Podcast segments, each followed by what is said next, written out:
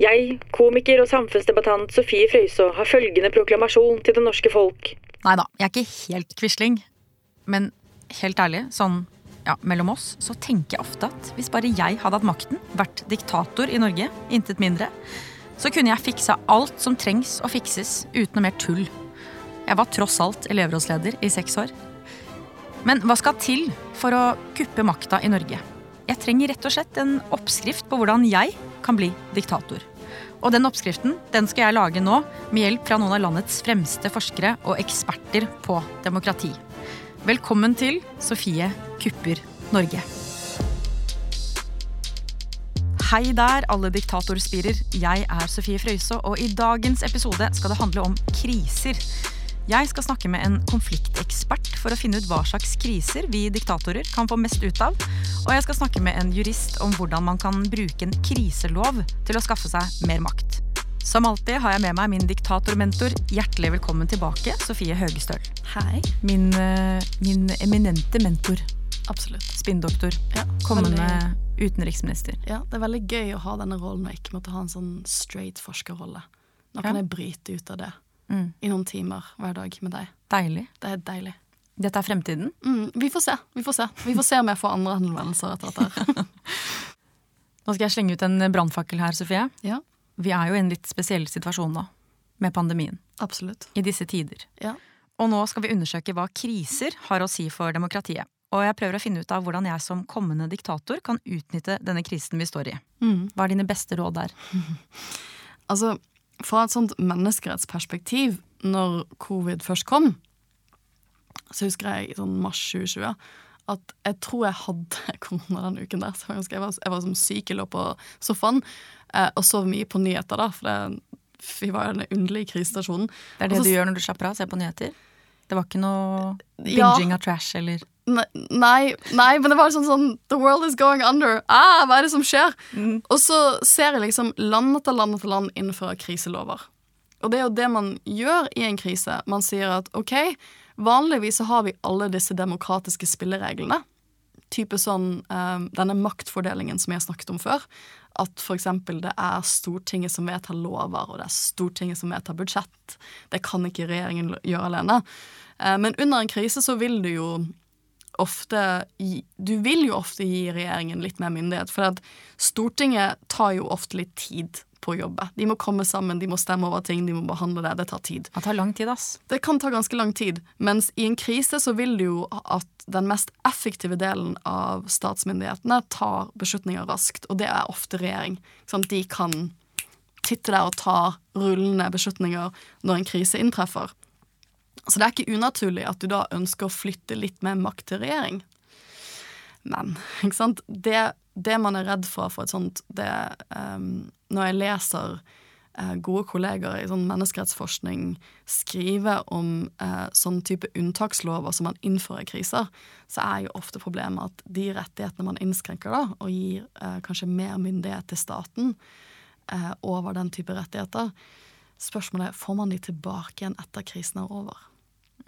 Sant? Bruker man en krise som en mulighet til å innføre lover Et springbrett. ja, som man aldri ellers ville gått med på at ble innført. Og det er ikke sånn at vi ikke så det i Norge under, um, under korona heller. Jeg hadde jo noen veldig våkne kollegaer på Det juridiske fakultet når vi skulle lage en kriselov, for vi hadde ikke en ordentlig kriselov da pandemien traff. Det er, sånn, det er jo en ting man ofte tenker med kriselover, at det er fint å ha laget de før krisen inntreffer, sånn at man ikke lager de i panikk. Ja. Og da var jo det plutselig så våknet kollegaene mine opp når dette skulle plutselig hastvedtas. Så da kom Hans Petter Grav på banen med en gang og var sånn Oi, oi, oi. Denne loven som regjeringen har- har foreslått, gir de altfor mye makt i denne krisestasjonen her. Dette liksom, det kutter ut Stortinget fra en del lovprosesser, egentlig. Det, den loven som først ble eh, Den kriseloven som regjeringen først foreslo, ville gjort de egentlig gjort det mulig for de egentlig å innføre egne lover, midlertidige lover. Det, gjør bare, det er bare vanligvis Stortinget som gjør det. Og da var det sånn Å, dette var litt mye. Dette overflytter litt for mye makt til regjering. Vi kan ikke, vi er i krise, men, men vi må fortsatt holde, en del av de, holde på en del av de grunnleggende skillene i demokratiet vårt. og så justerte man da, og det var veldig fint, for da kom liksom Stortinget på banen, og så fikk man justert loven litt, og så ble det en bedre lov. Eh, og det, det var sånn litt vakkert fra et demokratisk perspektiv at man fikk det til. Men i, liksom, i mer autoritære regimer så får du ofte ikke den offentlige debatten. Liksom. For du har ikke uavhengige forskere som kan komme på banen og si at dette er for langt, dette er for mye. Du har ikke et uavhengig storting på samme måte som kan si at ok, nei, vi skal ikke gi fra oss like mye myndighet. Så du så at en del andre land så, så er man redde for at man åpnet for eh, å gi presidenten eller statsministeren veldig veldig mye myndighet som de aldri kommer til å gi fra seg igjen. Eh, eller at man åpnet for å innskrenke menneskerettigheter. For det var jo egentlig det vi gikk med på under pandemien også, at eh, en del av eh, bevegelsesfriheten vår, eksempel, ble jo realiteten innskrenket. Plutselig kunne vi ikke ha bestemme selv hvor mange gjester vi ville ha besøk Mm, karantene. karantene. Liksom det, det, og det jo, hadde jo vært Altså Hvis noen hadde fortalt oss det for tre år siden Sofie, om tre år Ja. så kommer du bare lov, ha lov til å ha to personer på besøk over lengre tid i Oslo. Eh, og, og liksom, du kan ikke reise til utlandet. Altså, utlandet Da hadde jo jeg tenkt sånn Oi, men det er de vennene jeg har. What else is new? Hadde jeg tenkt. Ja, ja. Men, men liksom, i andre land så ser du at uh, man er redd for at en del av de menneskerettighetene man har innskrenket under covid, aldri kommer tilbake igjen. Så kriser er jo veldig Hvis man bruker en krise kynisk som leder, så bruker man jo den krisen til å utvide makten man har, og gi seg selv mer makt. Eh, ta makta, ofte fra eh, parlamentet eller Stortinget. da, Ta til seg makt fra de. Eh, og så innskrenke rettighetene til folket og ta til seg makt i begge ender, da. Og så bare beholde det etter krisen er ferdig. Ja, Og så si at dette er for eh, fellesskapets beste. Ja, for eksempel, hvis vi bare tenker igjen for eksempel dette spørsmålet med smitteapp, Mm. som vi alle har blitt oppfordret til å laste ned. Og man skjønner jo hvorfor det er viktig kanskje å ha en smitteapp når man har lyst til å bekjempe en pandemi. For man har lyst til at hvis jeg er smittet, og så henger, går vi ut og tar en kaffe, så kan jo den smitteappen si fra at vi har vært i nærkontakt, og at du også må gå i karantene. Mm. La oss si at man bruker en pandemi til å få alle til å laste en smitteapp, og den smitteappen sporer det egentlig mye mer enn det de har sagt den gjør. Og så sier man at nei, denne appen funket veldig bra, så det er viktig at nå er pandemien egentlig over, men alle må beholde appen på mobilen sin. Det er faktisk pålagt å gjøre det. Mm. Da har jo plutselig staten en app som de kan tracke hvor du går hen, og hvem du henger ja, med. masse verdifull informasjon. Masse verdifull informasjon. Så det er jo sånn, det er sånn konkret eksempel på hvordan man kunne misbrukt en krise og en Ja. pandemi da, til å innføre overvåkning, masseovervåkning av befolkningen. Kanskje jeg burde lage min egen app. Mental helse-appen. Mental helse-appen. Mm. Ja, ja, og så samle inn eh, informasjon. Og så etter hvert sagt at alle må ha den. Mm. Dette har funket så godt. Og så får du bøter hvis ikke du bruker Ja. den. Ja.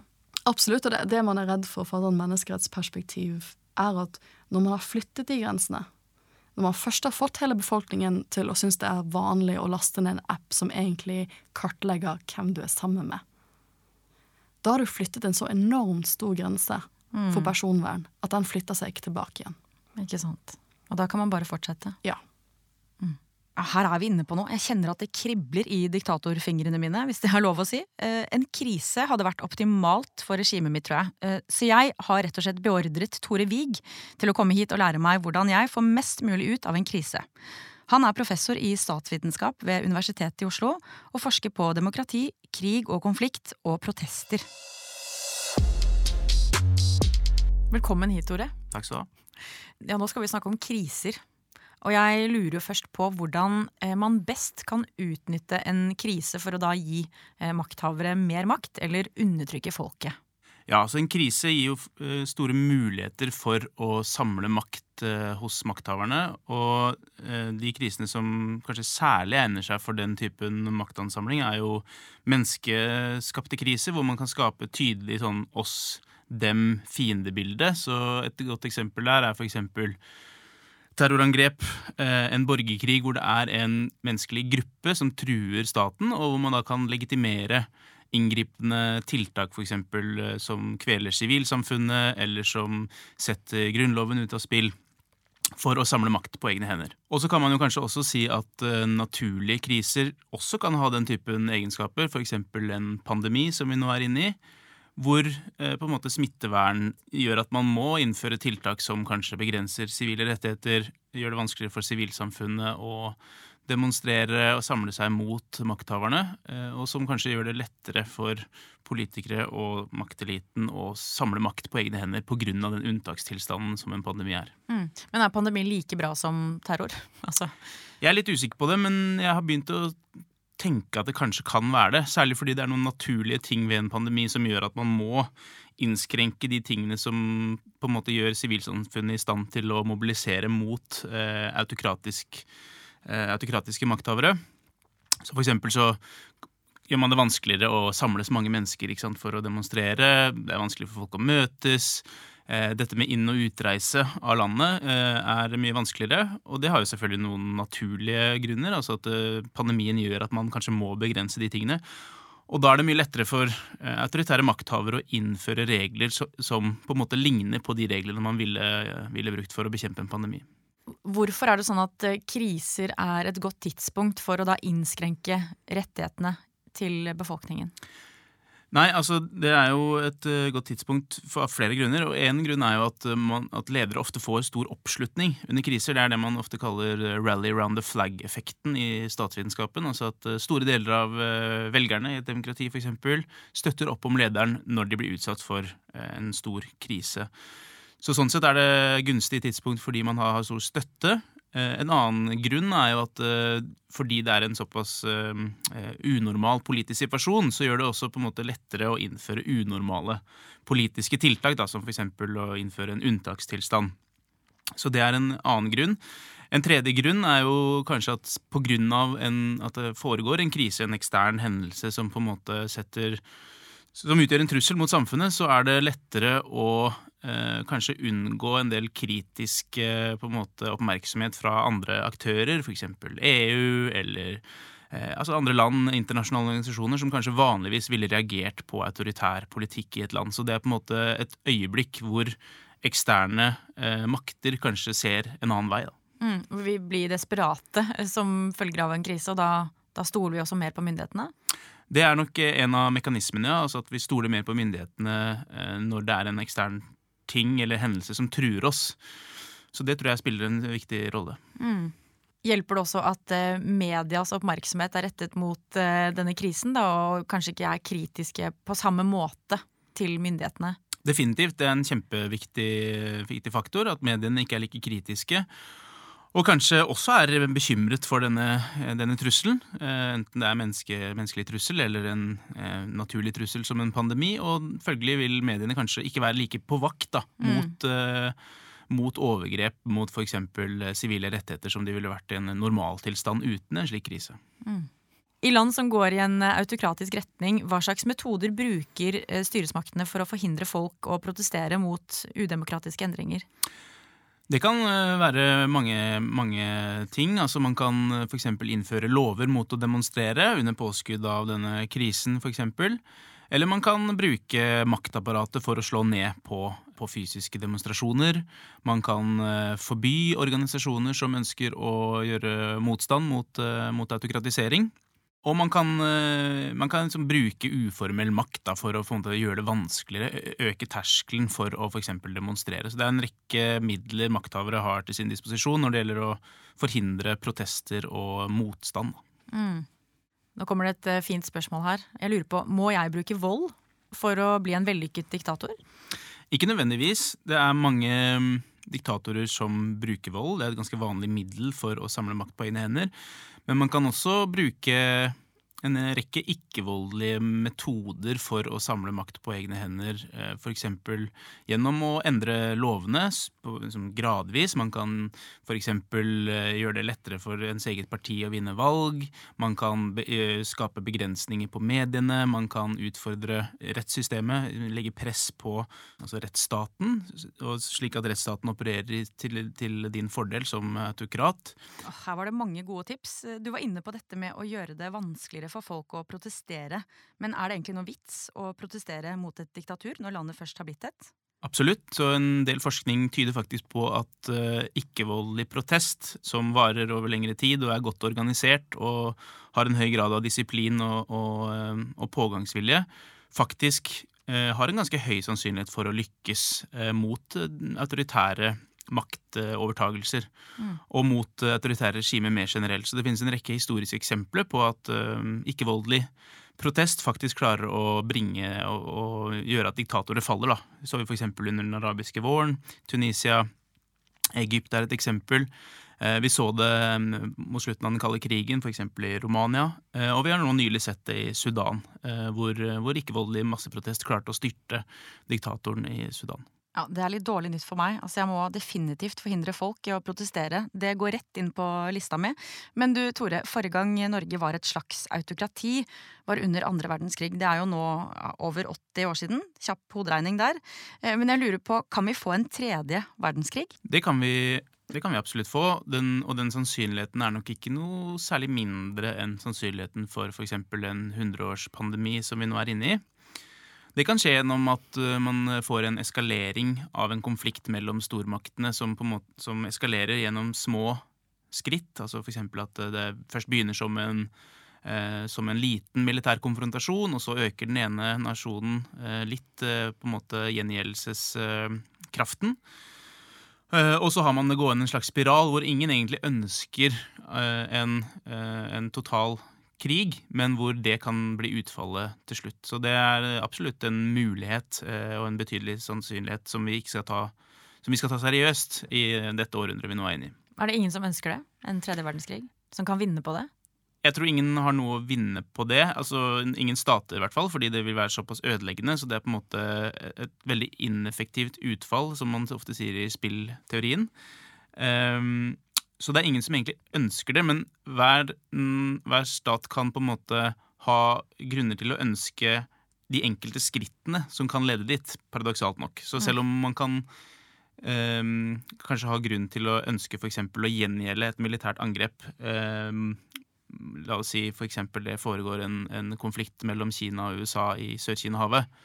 Så kan være av partene ha insentiv om å ønske å gjengjelde et angrep, men ingen har insentiv til å eskalere til det punktet hvor det er en, en stor, stor uh, krig. Da. Så, Mm.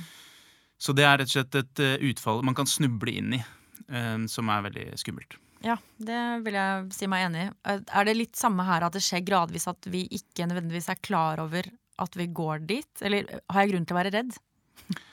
Ja, jeg vil si man har grunn til å være redd for en type tredje verdenskrig. Det er noe jeg er ganske redd for, tenker på veldig mye. Og som konfliktforsker så er det kanskje naturlig at jeg tenker på det som en større trussel eksempel enn kanskje klimaendringene er, eller mange vil se på klimaendringene som. Da. Jeg ser på det som en stor trussel også, men jeg føler at kanskje mm, en sånn type tredje verdenskrig hvor, det hvor, hvor eksempel man bruker atomvåpen, er en hendelse som vi ikke er redde for nok. Det diskuteres ikke nok i mediene. Det er ikke noe som på en måte er veldig langt framme i bevisstheten vår, på samme Mm. måte som f.eks. klimaendringene er. Da. Mm, Jeg skjønner at du går og tenker mer på det enn det jeg eksempel gjør. Men eh, jeg tror nok nå kan du ikke unhear it. Altså nå, nå kommer kanskje de som hører dette til å bli litt reddere. Ja, det syns jeg, jeg er helt fint. Ja, ok. Ja, men det, det, da er jo det bra. Altså, da har vi, da, du hørte det her først. Um, nå sitter jo kanskje folk og er litt redde eh, når de hører dette. Hvor stor er sannsynligheten for en tredje verdenskrig? Det er selvfølgelig veldig vanskelig å anslå, men man kan bruke tidligere kriger og um, interaksjoner mellom land i store datasett for å forsøke å estimere hvor sannsynlig eh, en tredje verdenskrig er, eller en stormaktskrig er. Og eh, forskere som forsøker seg på dette, kommer vel fram til at man ikke kan utelukke at sannsynligheten ligger på en rundt 20 eh, i et hundreårsperspektiv. Og den er jo ikke noe da lavere enn det en hundreårspandemi er, f.eks. Da er det jo naturlig å spørre hvordan kan vi forberede oss best mulig på en eventuell tredje verdenskrig? Jeg tror det er veldig viktig at man får en politisk diskusjon om det, og ikke bare overlater eh, det spørsmålet til byråkrater. Um, så det, det tror jeg er viktig at man har en politisk diskusjon om det, som, hvor folk engasjerer seg i hva man eventuelt uh, hva man skal gjøre, hvor, hvordan Norge skal håndtere det. Um, og det handler jo selvfølgelig ikke om, bare om Kanskje i liten grad om militære ting, men også om ting som hvordan opprettholder man sosial orden i en sånn situasjon, hvordan, skap, hvordan skaffer man nok mat til befolkningen, hva gjør man med stråling um, og den type ting. Uh, og hvordan på en måte får man samfunnet til å vedvare da, hvis det skulle være en veldig veldig alvorlig eh, stormaktskrig av den typen som man fryktet f.eks. under den kalde krigen, da, hvor stormaktene eh, bomber hverandre med atomvåpen, og hvor kanskje det vil være veldig mange land som blir ødelagt av, eh, av atomvåpen. Mm. Men det er ikke sånn at jeg skal hamstre dopapir nå? Eh, det vil jeg ikke gjøre, tror jeg. Jeg gjør i hvert fall ikke det. Nei. Eller boksmat og den slags?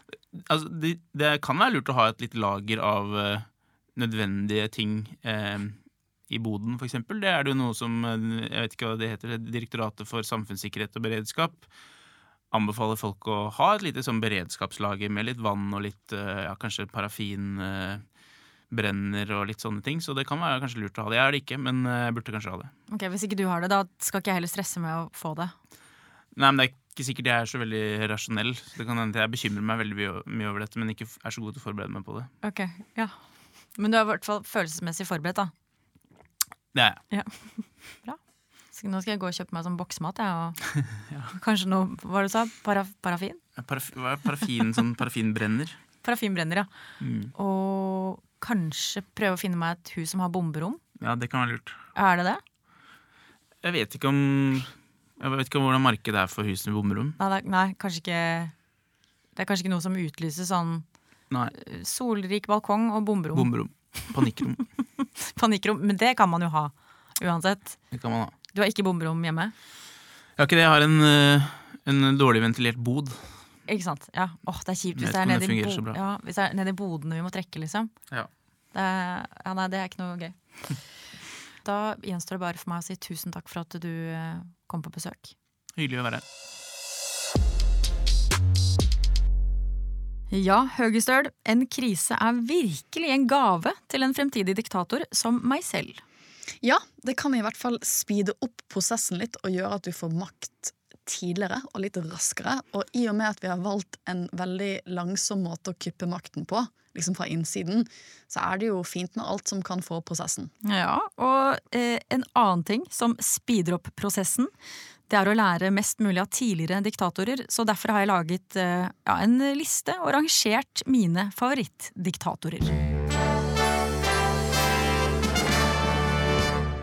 På en solid andreplass har vi Haitis tidligere president Francois Duvalier, bedre kjent som det mye mer minneverdige Papa Doc. Papa Doc var faktisk lege før han kastet seg inn i politikken og ble valgt til president i 1957. I 1961 stilte han til gjenvalg, selv om grunnloven ikke tillot det.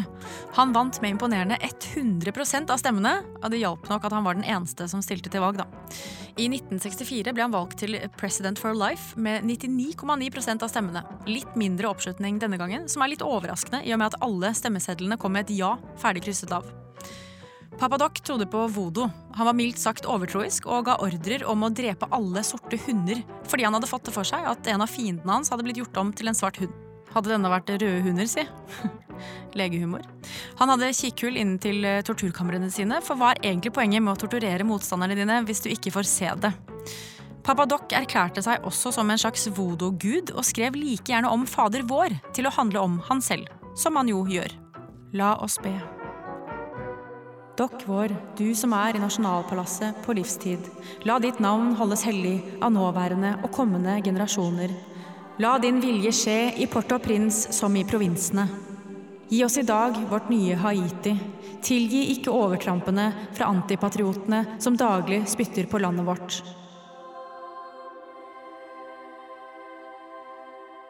Ja ja. Amen da, pappa Dokk. Amen.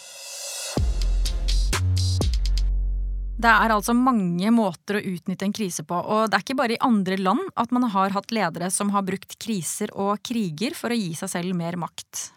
Nei, her i Norge hadde vi Quisling under andre verdenskrig. Da tyskerne erklærte krig 9.4.1940, var det jo ikke en del av planen at Quisling skulle bli statsminister. Men han så muligheten og kuppet makta ved å dra til NRK og insistere på å få holde en radiotale til folket. Jeg må si at jeg har prøvd det samme, og det har ikke funket. Har du det? Nei. Jeg, altså, jeg, har, jeg, har, jo vært på radio på NRK, Men jeg føler at eh, jeg har ikke liksom greid å nå gjennom på samme måte. da. Nei, men det er så sjukt at han bare gjorde det. Eh, Og da jeg hadde besøk av historieprofessor Øystein Sørensen, så fortalte han meg hvordan eh, Ja, han fortalte meg historien om hvordan Quisling fikk det til.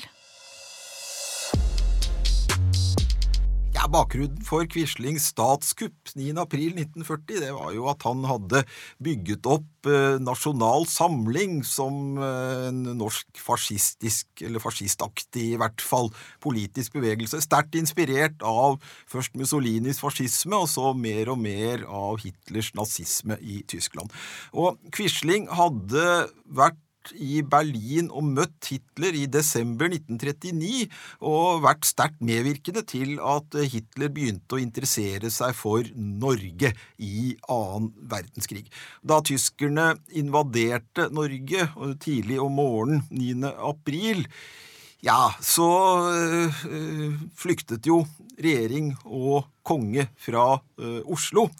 Og Quisling møtte opp i øh, NRKs lokaler øh, og holdt en radiotale der han erklærte at regjeringen Nygaardsvold nå var eh, avsatt, og at eh, han hadde dannet en ny nasjonal regjering i Norge, og at all motstand mot den tyske invasjonen øyeblikkelig måtte opphøre. Denne radiotalen altså den skapte jo en helt spesiell eh, situasjon, og den var antagelig ganske avgjørende for det videre forløpet av eh, krigen i Norge, og for den saks skyld hele okkupasjonstiden. De som hørte det, reagerte jo med forbauselse og avsky, de aller fleste av dem. Han hadde en liste over medlemmer av det som skulle bli hans regjering, men eh, det var flere av de navnene der som ikke var spurt, og flere av dem eh, tok også avstand fra hele statskuppet. Altså Dette var noe som bare foregikk eh, i radioen, og det var jo ikke noe eh, grunnlag. altså Quisling var leder for en bevegelse som per 9. april 1940 kanskje hadde 1000 medlemmer. Og eh, alle trodde jo 9. april 1940 at eh, dette var eh, noe som var planlagt, og at Quisling gjorde dette i eh, så å si, nær samforstand med eh, Hitler. Det trodde også mange av hans eh, tilhengere. Men selv om mange historikere har lett etter kilder som kan dokumentere noe sånt, så er det ikke noe som tyder på at Hitler var informert om dette radiostatskuppet på forhånd. Og den tyske hærledelsen som hadde tatt makten i eh, Oslo eh, utpå dagen 9. april 1940, de var i hvert fall ikke eh, informert, og de lurte veldig på hva dette var for en, og hva dette egentlig skulle bety. Men hvordan kommer man seg på lufta, sånn som eh, Quisling gjorde den gangen? Det som skjedde, var at eh, tyskerne, som jo da hadde inntatt eh, Oslo, eh, hadde satt vakter utenfor eh, NRKs lokaler, og NRKs sendinger eh, utover dagen hadde det vært bare musikk, og så fikk de beskjed om å kutte sendingene, og gjorde det. Så da Quisling eh, og eh, de kuppbakertilhengerne hans møtte opp utenfor NRK, ja, så eh, bløffet de seg inn. Hans tyske rådgiver bløffet om at dette var noe som skjedde etter ordre fra høyeste tyske hold, og Quisling fikk eh, anledning til å komme på lufta og holde statskupptalen sin. Så Men fikk- altså, det, det var ikke noen sånn ordre fra noe høyere tysk hold, så det der var en ren bløff. Så han fikk lov, da han eh, la frem bløffen, så fikk han lov til å sette seg foran mikrofonen og si det han hadde på hjertet? Ja da, han øh, fikk det. Øh, og man kan jo si at ja, NRK kunne jo forsøkt og sabotert og nektet ham adgang til å komme på lufta, og hadde de gjort det, så kunne historien ha vært helt annerledes hva gjelder Norge og annen verdenskrig. Men det gjorde de da altså ikke. Eh, de som var på jobb i NRK, de aksepterte det de trodde var en ordre fra tyske myndigheter. Og de ante jo ikke hva Quisling ville si. Alt var forvirring Ja. i Oslo 9. april 1940. Og det var ikke nødvendigvis NRK-sjefen som var aller mest forvirret, for å si det på den måten, da. Nei, Men så trikset er da altså å bløffe og gjerne spille på frykt, sånn at du får anledning da til å, å snike deg inn. Ja da, det var eh, i hvert fall det eh, Quislings kuppmedarbeidere sørget for. Eh, De bløffet, og dermed kom man på lufta. Og dermed ble de tyske planene for okkupasjonen av Norge forandret. Fordi da eh, tyskerne angrep, så fikk den norske regjeringen et ultimatum fra den tyske ambassadøren sånn grytidlig om morgenen 9. april. Det sto ikke et ord om Quisling der. Nei. Eh, Det ultimatumet den norske regjeringen fikk, var helt tilsvarende det den danske regjeringen fikk, og den danske regjeringen den ga seg. Og det man vel kan forestille seg, er at eh, ja, den norske regjeringen den tok kampen, sa nei i første omgang. Eh, Konge og regjering kom seg unna og flyktet. eh, Men ser man på hva som foregikk, først på Hamar og så på Elverum den 9. og 10. april, så føler jeg meg ganske sikker på at uh, hvis ikke Quisling hadde begått uh, sitt uh, statskupp i radioen, så ville Norge fått en lignende løsning som Danmark. Det vil si, regjeringen ville gitt seg i Norge også, og akseptert en tysk okkupasjon.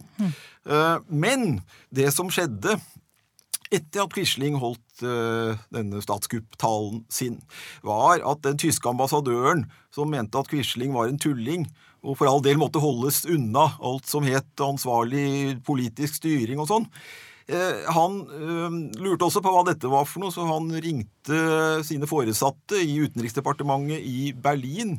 Og Da ble han satt over fra utenriksminister Ribbentrop til selveste Hitler, og Hitler ga da klar beskjed om at nei, Quisling skulle nå bli statsminister i Norge. Ja. Det var det ikke noe mer å diskutere. Så da den tyske ambassadøren øh, forhandlet, eller i hvert fall sonderte litt, med den norske regjeringen 10. april på Elverum, ja, da måtte han komme med et helt annet krav enn det han gjorde tidlig om morgenen 9. april. Da var plutselig øh, det tyske kravet blitt at øh, Quisling skulle bli statsminister. Så Og det- det, det aksepterte ikke kong Haakon, og det aksepterte heller ikke regjeringen Nygaardsvold. Det er da, 10. april, da tyskerne kommer med krav om Quisling, det er da det avgjørende kongens nei kommer. Ja, ikke sant. Men det her viser jo hvor mye én maktsyk person faktisk kan få ut av en krise. Ja, det viser jo da hvordan en enkelt person og en enkelt aksjon, sånn som denne radio-statskupp-talen, kan liksom velte spillet og få historien inn i helt nye baner. Altså, Jeg har ikke så veldig mye fint å si om eh, Quisling, kjenner jeg, men jeg beundrer selvtilliten hans. Tenk å bare dra til NRK og si at du skal ta over regjeringen. Det er jo helt noldus. Altså, det er helt sinnssykt. Det viser jo også at dette tydeligvis var en tid i Norge hvor du kunne kuppe Norge kun ved å kuppe NRK. Ja, Det er imponerende. Ja. Eh, Men eh, det jeg har skjønt, da, er at for å få mer makt under en krise, så må det som regel en lovendring til. Ja, for det er sånn du gir deg mer makt permanent. Ja, og Du er jo jurist selv, eh, men da jeg spurte deg hvem jeg burde snakke med for å virkelig sette meg inn i hvordan lover, kriser og demokrati henger sammen, så foreslo du Hans Petter Graver, som er professor i juss ved UiO. Ja, fordi han har blant annet forsket på domstoler og dommere i autoritære samfunn. Ja, og her kommer en eh, spoiler alert. Dette kan han mye om. Hjertelig velkommen hit, eh, Hans Petter. Tusen takk. Du har annet forsket på hvordan rettssystemet og særlig domstolene påvirkes når land blir mindre demokratiske og mer autokratiske. Og dette har jeg lært da i podkasten at det betyr at de går mer i retning av diktatur. Og nå har jo hele verden stått i en krise i halvannet år. Hvordan har myndighetene i ulike land brukt pandemien til å skaffe seg mer makt? Jeg tror vi ser eh, i veldig mange land, kanskje alle land, så har eh, myndighetene skaffet seg mer makt enn eh, de hadde før pandemien. Det ser vi også hos oss. Altså, jeg tror mye av det som våre myndigheter har gjort og, og gjør nå, hvis vi skulle prøve å se på det med det blikket som vi, vi hadde for halvannet år siden, så tror jeg vi ville bli nokså overrasket. Altså, I dag så aksepterer vi mye som vi ikke ville trodd at vi ville akseptert for halvannet år siden. Som for eksempel hva da? Ja, Som for eksempel uh, internering av folk uh, i uh, karantenehotell, ikke sant. og bruk av politi for å kontrollere hvor mange gjester folk har privat. Mm. Det, det, er jo noen eksempler. at forbud mot å trene fotball på utendørs fotballbaner. Eh, altså Det er masse sånne ting som eh, jeg tror vi bare ville eh, Vi ville ikke forestilt oss det i det hele tatt. Nå aksepterer vi det av, to grunner. Det ene er at vi jo aksepterer at det er nødvendig pga. det trusselbildet og, og, den angsten som er skapt gjennom det trusselbildet. Så, og også fordi vi er blitt vant til det, rett og slett. At, og det er jo det som er det farlige med en sånn krise. at myndighetene gjør noe som vi kanskje reagerer på, eh, og så gjør de noe nytt som vi da ikke sammenligner med uh, nullsituasjonen, men vi sammenligner med det forrige. Mm. Og så er det litt sterkere enn det forrige, men, vi reagerer kanskje, og så gjør de noe nytt igjen. ikke sant? Og sånn flyttes hele tiden da terskelen for hva vi aksepterer, da. Mm. Men så har vi jo eksempler på land som har, eller på myndigheter som har utnyttet dette for å befeste sin maktposisjon også utover pandemien. Altså En del land har f.eks. innført eh, regler som begrenser eh, ytringsfriheten og retten til demonstrasjoner. Eh, og de sier at dette er nødvendig fordi de vil ikke ha ytringer og protester i befolkningen som undergraver effektiviteten i smittevernarbeidet. Men i Ungarn f.eks. så ble jo denne lovgivningen brukt for noen måneder siden for å hindre og for å slå ned studenter som demonstrerte mot eh, overtagelse av eh, Kunstakademiet, altså politisk overtagelse av Kunstakademiet. Så det, det, er jo et eksempel på bruken av en krise mer sånn for å befeste et autoritært styre mer generelt. da. Ja, for man kan jo si at det vi gjør av tiltak her i Norge, det er jo ikke for å tjene myndighetene, det er for altså, at vi alle er enige om at det er for å begrense smitte. Ja, Noe av det gjør vi også for å tjene myndighetene. Ja, gjør vi det? Ja, vi gjør det, fordi altså, noen av disse tiltakene som vedtas, er ikke først og fremst begrunnet i at det folk gjør er så farlig, eller at eh, atferden er så farlig for smitten, men, men, de er begrunnet i at eh, det er vanskelig å kontrollere. Og, og for myndighetene er det enklere at man da har denne typen regler. Vi hadde nå nylig en sak om eh, dette forbudet som de som eier hytter i Sverige har fått. Eller vil si ikke et forbud, men et krav om at de må også i karantene hvis de har vært på hytta si, selv om de bare har kjørt bil rett ut dit og ikke sett et menneske, og så kjørt tilbake igjen. Eh, og det er begrunnet Myndighetene innrømmer at det er ikke noe smittefare forbundet med dette i seg selv, men de sier at dette er for det første vanskelig å kontrollere, og, vi vet ikke om vi kan stole på folk, sånn at eh, vi kan ikke være så tillitsbaserte, sier de. Og det er jo et myndighetshensyn, fordi de kan eh, kanskje kontrollere dette på andre måter. Eh, og så sier de også at eh, det vil bli vanskelig for, Hvis en stor gruppe skal kunne reise til Sverige, så vil det bli vanskelig for folk til å akseptere strenge tiltak på andre områder. Og det er jo også av hensyn til myndighetene at det skal bli enklere for dem å utvikle et system som blir effektivt. Mm. Så vi ser jo snev av det her også. Men så altså Hvis en slik eh, tilstand skal føre til utvikling mot et uh, autokrati eller et autoritært styre, så må man jo også ha mennesker i maktposisjon som ønsker å gripe makten, sånn som du gjør. ikke sant? Uh, men det tror jeg ikke Eller det, det, slike mennesker har vi ikke i maktposisjoner i Norge i dag. Så derfor er ikke situasjonen spesielt farlig. Men med andre personer i maktposisjon så ville dette vært en farlig situasjon. Mm. Du var jo inne på dette med at det har skjedd eh, endringer, eller lovendringer også i Norge i forbindelse med pandemien. da. Og du har vært kritisk til den såkalte fullmaktsloven. Hvorfor var den problematisk, tenker du? Fullmaktsloven, som, eller koronaloven som eh, den også kalles, den var jo problematisk fordi den ga en veldig vid fullmakt til regjeringen. Det vil si, forslaget opprinnelig den ble ikke fullt så problematisk etter behandlingen i Stortinget, men forslaget var veldig vidtgående ved å gi lovgivningsmyndighet til regjeringen, altså koblet Stortinget. Eh, og eh, i en slik situasjon så er det også viktig at hvis regjeringen skal få vide fullmakter, eh, at den er avgrenset på noen måter, at ikke den blir videre enn nødvendig. At man tar seg det bryderiet som det krever å definere nokså presist hva det er regjeringen skal gjøre, kunne gjøre innenfor fullmaktene, og hva de ikke skal kunne gjøre. Og i tillegg så er det viktig at man har mekanisme for kontroll med hva regjeringen gjør da for å bøte på dette at de får så vide fullmakter. Og eh, det opprinnelige forslaget hadde ikke slike effektive eh, kontrollmekanismer, da, verken når det gjelder det vi kaller parlamentarisk kontroll, altså at Stortinget skulle kunne øve kontroll, og heller ikke annen type kontroll gjennom eh, domstolene. Så igjen så er det jo da at en slik fullmakt, hvis den innehas av velmenende politikere som vil oss vel, og som ikke vil misbruke det, så er det jo ikke farlig i seg selv. Men vi kan ikke lage ordninger som forutsetter det.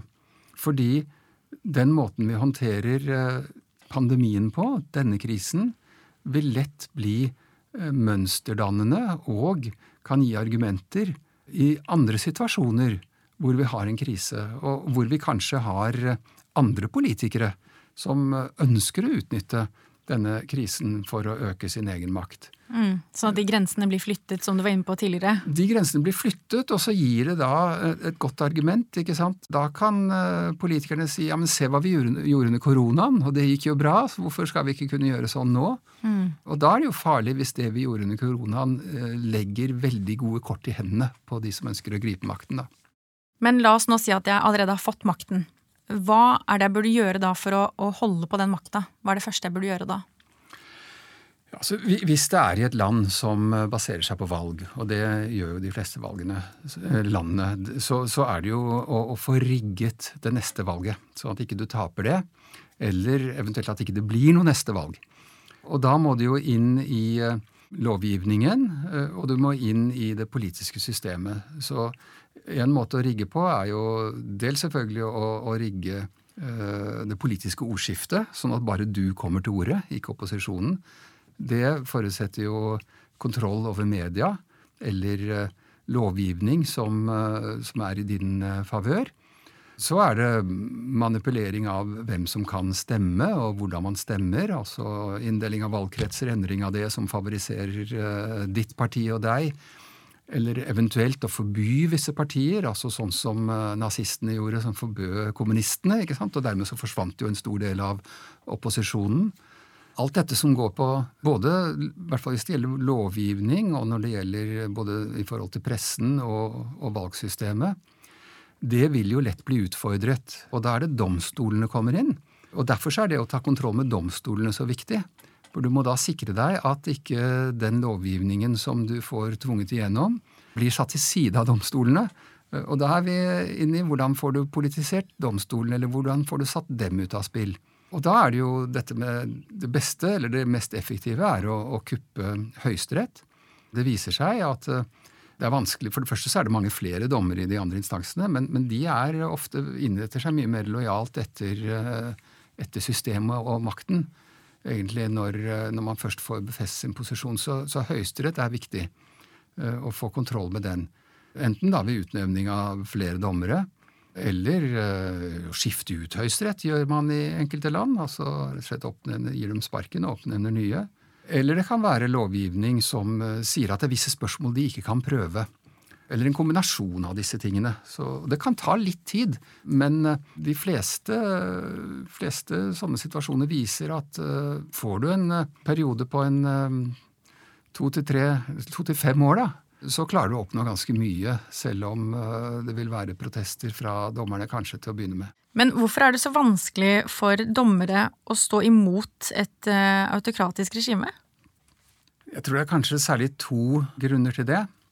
Det ene er jo at uh, domstolen som den tredje statsmakt ofte kalles den svake statsmakt. Og, og, i det så ligger at i motsetning til uh, regjeringen og Stortinget, uh, så har domstolene ingen maktbase som de rår over. Regjeringen rår jo over politiet og, og Forsvaret, så de har jo en sterk maktbase. Stortinget rår over folket, og, og folket er jo en uh, veldig kraft hvis den blir mobilisert. Mens uh, domstolen og dommerne de rår over retten, som jo er noe mer sånn metafysisk, ikke sant? Abstrakt. Og, og abstrakt, mm. og, og, for så vidt argumentasjon, da. Mm. Så, sånn at de har ikke samme type maktmidler. så Det er den ene grunnen. Derfor så taper de hvis det over tid blir en konflikt mellom domstolene og regjeringen, f.eks. Den andre grunnen er mer faglig, og den ligger i at uh, i en dommernes uh, selvbilde og det vi trener juristene opp til gjennom jusutdanningen, det er jo å se på loven, på retten, og å systematisk se bort fra det som er irrelevant.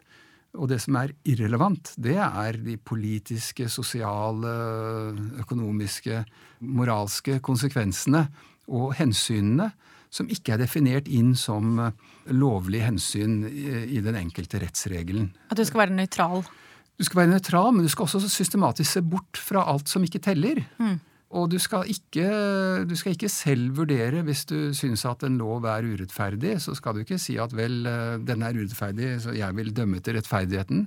Du skal dømme til loven. Sagt på en annen måte at hele jusstudiet innebærer, sett fra ett perspektiv, systematisk å venne folk til og lære folk til å se på spørsmål med skylapper. Altså sånn at de bare mm. ser på det som er juridisk relevant. Men er det mulig å, å gjøre det i Norge, det du sier nå? Mm. Nei, det skulle man jo ikke tro, og, og det, det, det, håper vi jo ikke. Men uh, erfaringene er jo veldig nedslående fra andre land, og det er jo veldig farlig å, å, å tro at vi er så spesielle at uh, de tingene som, uh, som, vi ser i andre land, ikke kan skje hos oss.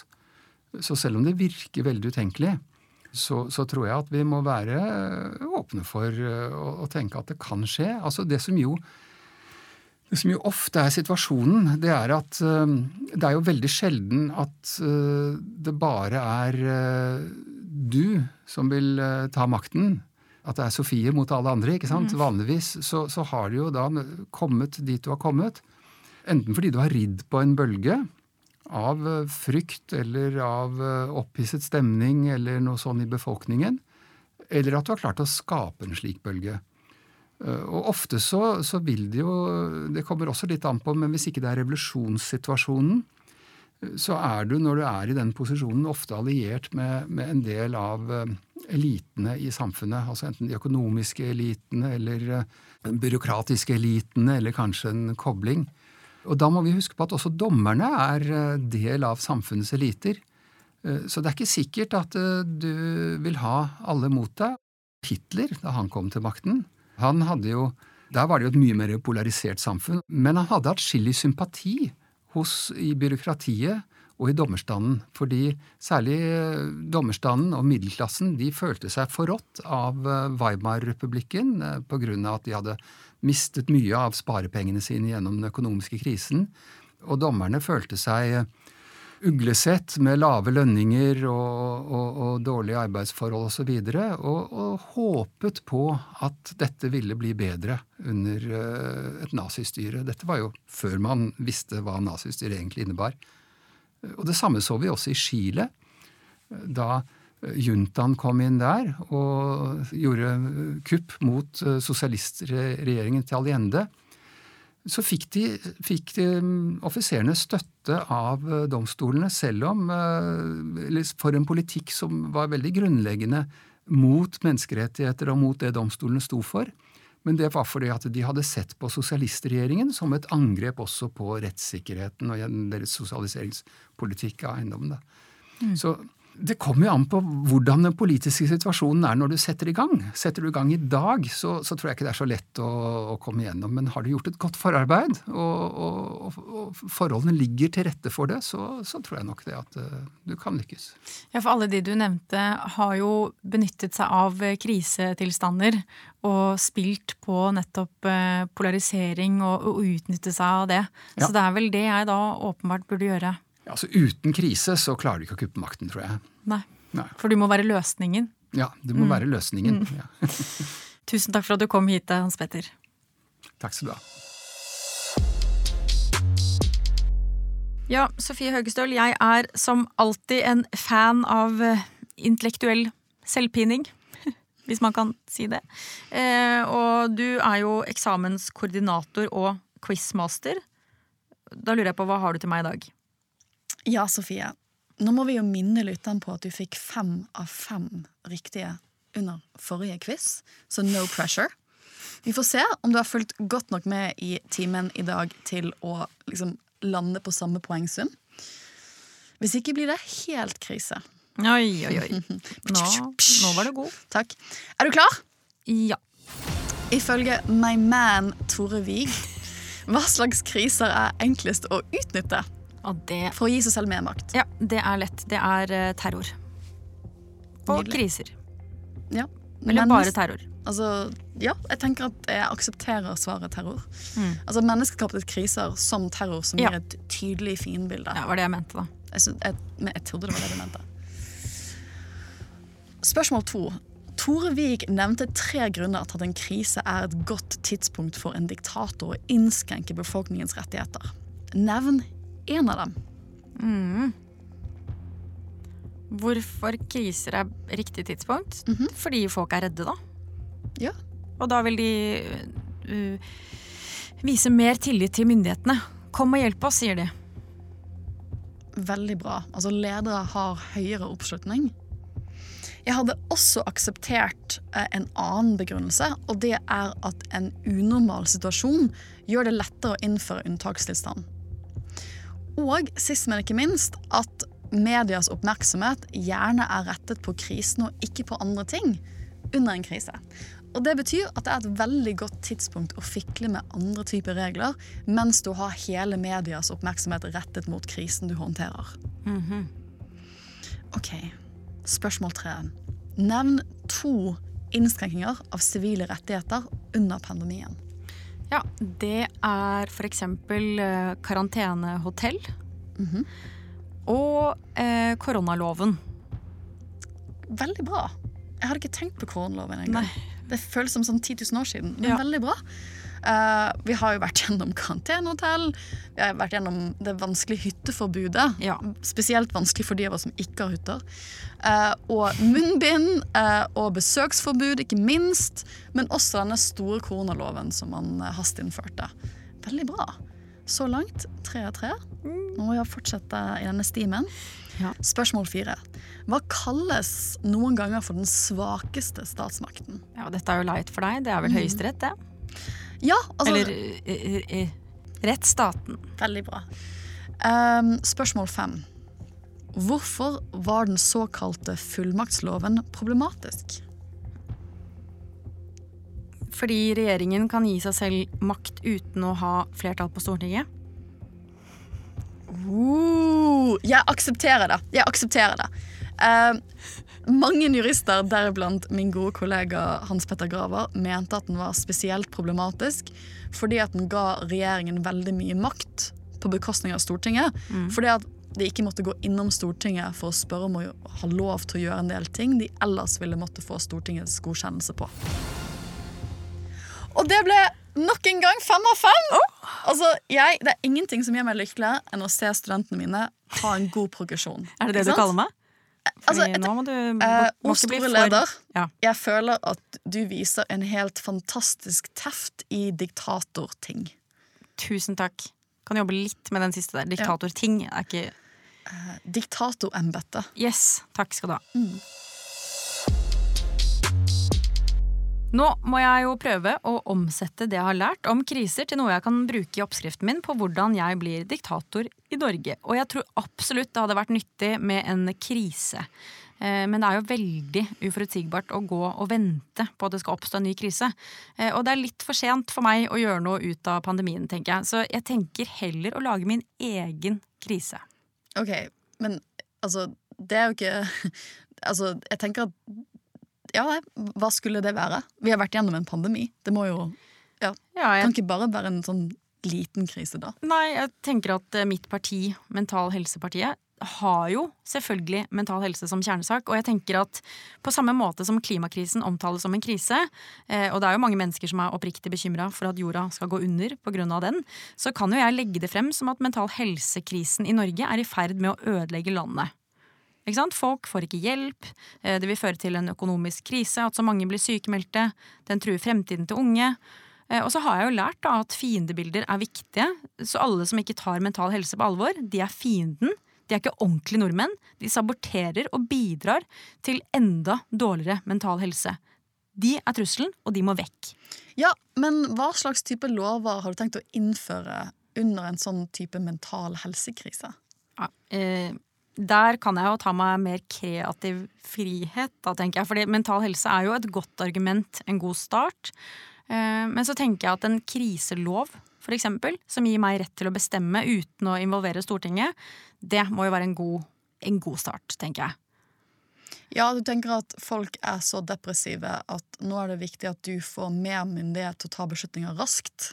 Mm. Sånn at du ikke må liksom Alt tar så lang tid når du kobler på Stortinget. Det er jo det Ja. man sier i kriser ofte. Vi har ikke tid til å koble på Stortinget nå.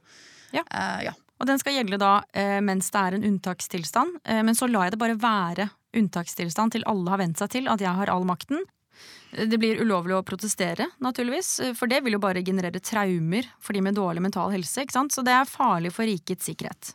Og da er plutselig mye gjort, tenker jeg. Altså, jeg merker at jeg, jeg begynner å angre litt på hvor mye du har lært gjennom denne prosessen. Du begynner å bli veldig eh, flink til dette nå. Ja, Men det tar jeg og mitt eh, Mental Helseparti som eh, et kompliment. Tusen takk. Ja, ja så bra. Og da, da gleder jeg meg veldig til å få høre hele den diktatoroppskriften din i neste og siste episode. Åh, ja, da kommer Carl-Henrik Knutsen, professor i statsvitenskap ved UiO, tilbake for å vurdere oppskriften min. Og jeg skal finne ut hvordan jeg kan utnytte denne norske tilliten det snakkes så mye om. Takk for nå. Denne podkasten fra Universitetet i Oslo er produsert av både og ved Stian Letessier. Programleder er Sofie Frøysaa, produsent Hanna Kanon Klingberg. På research Sivert Isaksen Wart. Klippere er Olav Nedberget og Joakim Sandvik. Og ansvarlig redaktør ved Universitetet i Oslo er Arild Blomkvist. Les mer på uio.no skråstrek Sofie Kupper Norge.